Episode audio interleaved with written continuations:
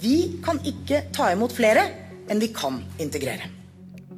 Siv Jensen sier det flertallet av norske politikere har sagt lenge.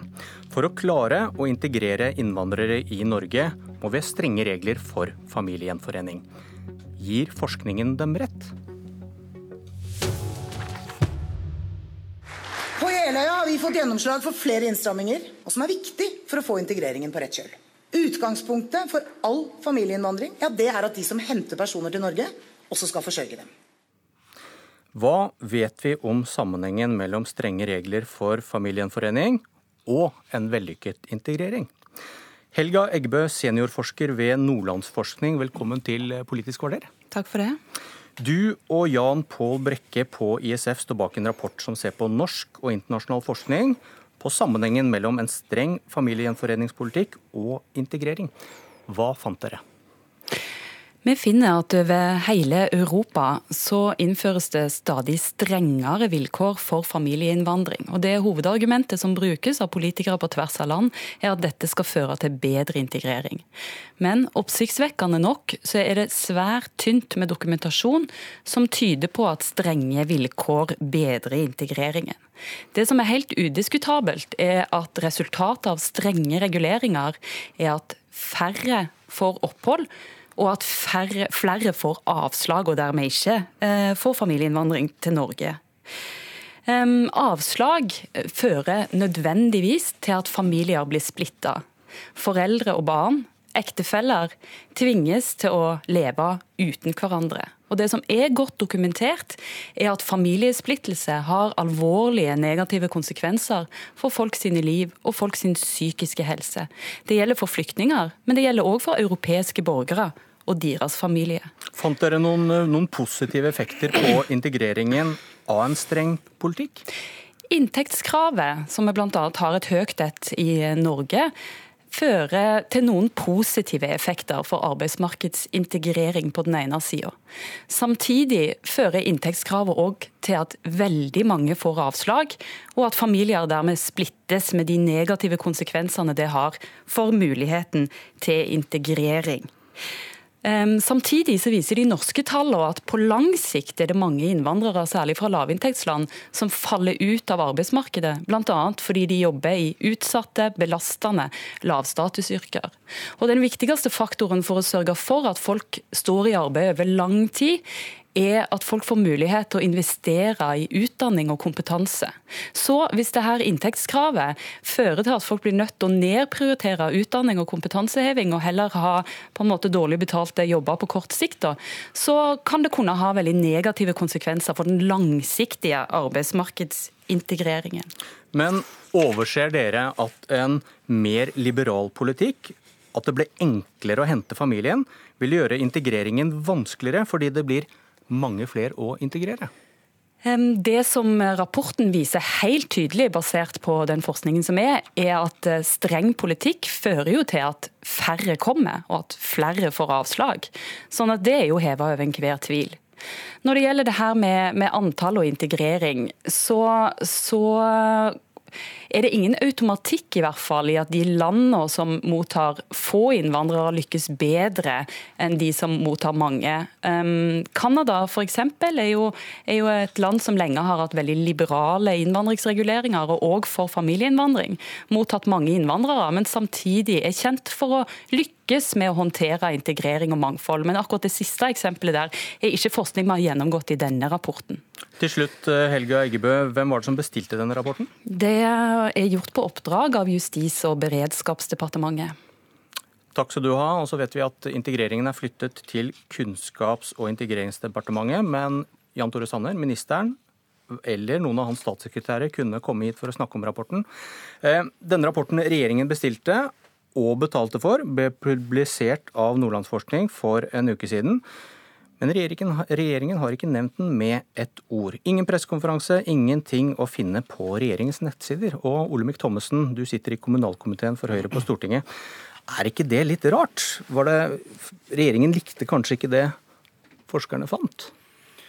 Ja, akkurat hvorfor, eh, eller hvordan den er publisert, det vet ikke jeg. Men, Hørtes det ut som en eh, plausibel teori? Nei, men jeg, nei, egentlig ikke. Jeg tror at regjeringen er opptatt av å få frem så mye kunnskap som mulig om integrering. For det vi ser, er at vi er for dårlige på integrering i Norge. Vi har behov, vi og regjeringen er i gang med et arbeid for å, styrke, for å styrke arbeidet nettopp eh, på dette, for å få flere i arbeid. Vi ser at statistikken viser at det er for få innvandrere som kommer i jobb. Eh, hadde det vært like stor andel av innvandrere som i, i jobb som i resten av befolkningen, hadde 80 000 mennesker flere vært i arbeid. Og Regjeringen er på kunnskapsjakt eh, etter eh, om eh, hvordan vi skal gjøre integrering bedre. Okay, men nå, nå og, dere, dette er en del av det. Ja, det er en del av det. Nå har dere fått kunnskap. Hvordan syns du denne kunnskapen du hørte Eggebø fortelle om, eh, rimer med regjeringens politikk? Jo, altså det å Når det gjelder innvandring for knyttet til familiegjenforening, så er jo det begrunnet ut fra flere hensyn. Et viktig hensyn er jo det antallet vi skal ta inn. Det er riktig. Når det gjelder integreringsarbeid for øvrig, er jo det knyttet til andre lovområder. Men nå hopper du over at dere sier at det å begrense familiegjenforening og ha strenge regler der, det fremmer integrering. Hvilken forskning baserer du deg på da? Det å det å ha et begrenset eh, innvandring knyttet på familiegjenforening eh, gjør jo at de familiene som da blir forenet, har et bedre utgangspunkt for å ta imot. Altså de har forsørgerevne. I tillegg så er det klart at det betyr noe for hvor stort antall vi skal eh, ta inn.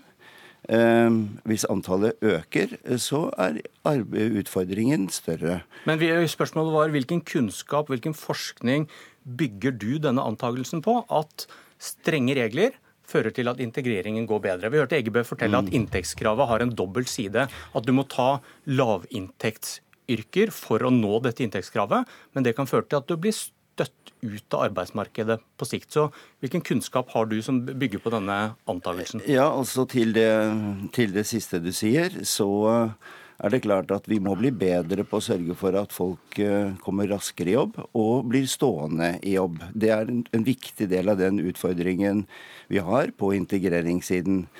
Eh, vi søker kunnskap om dette. Det er jo også derfor denne forskningsrapporten eh, er bestilt. Og vi vil jo selvfølgelig se på det innholdet som gir her, men eh, Men har du noe kunnskap og forskning som underbygger det dere sier? Jeg har ikke det her jeg sitter nå, kan ikke jeg vise til det. Men, men jeg tror det er nokså opplagt å kunne konstatere at vi må bli bedre på å få folk inn i arbeid og i varige jobber.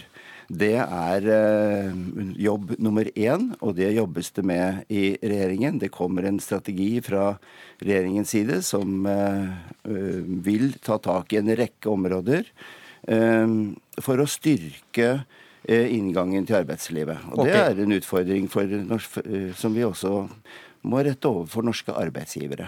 Karin Andersen fra SV, du tror ikke på regjeringen når de sier at strenge, de strenge reglene er viktig for å fremme integreringen. Hva mener du er grunnen til kravet om at du må tjene 250 000 for å hente familien til Norge da?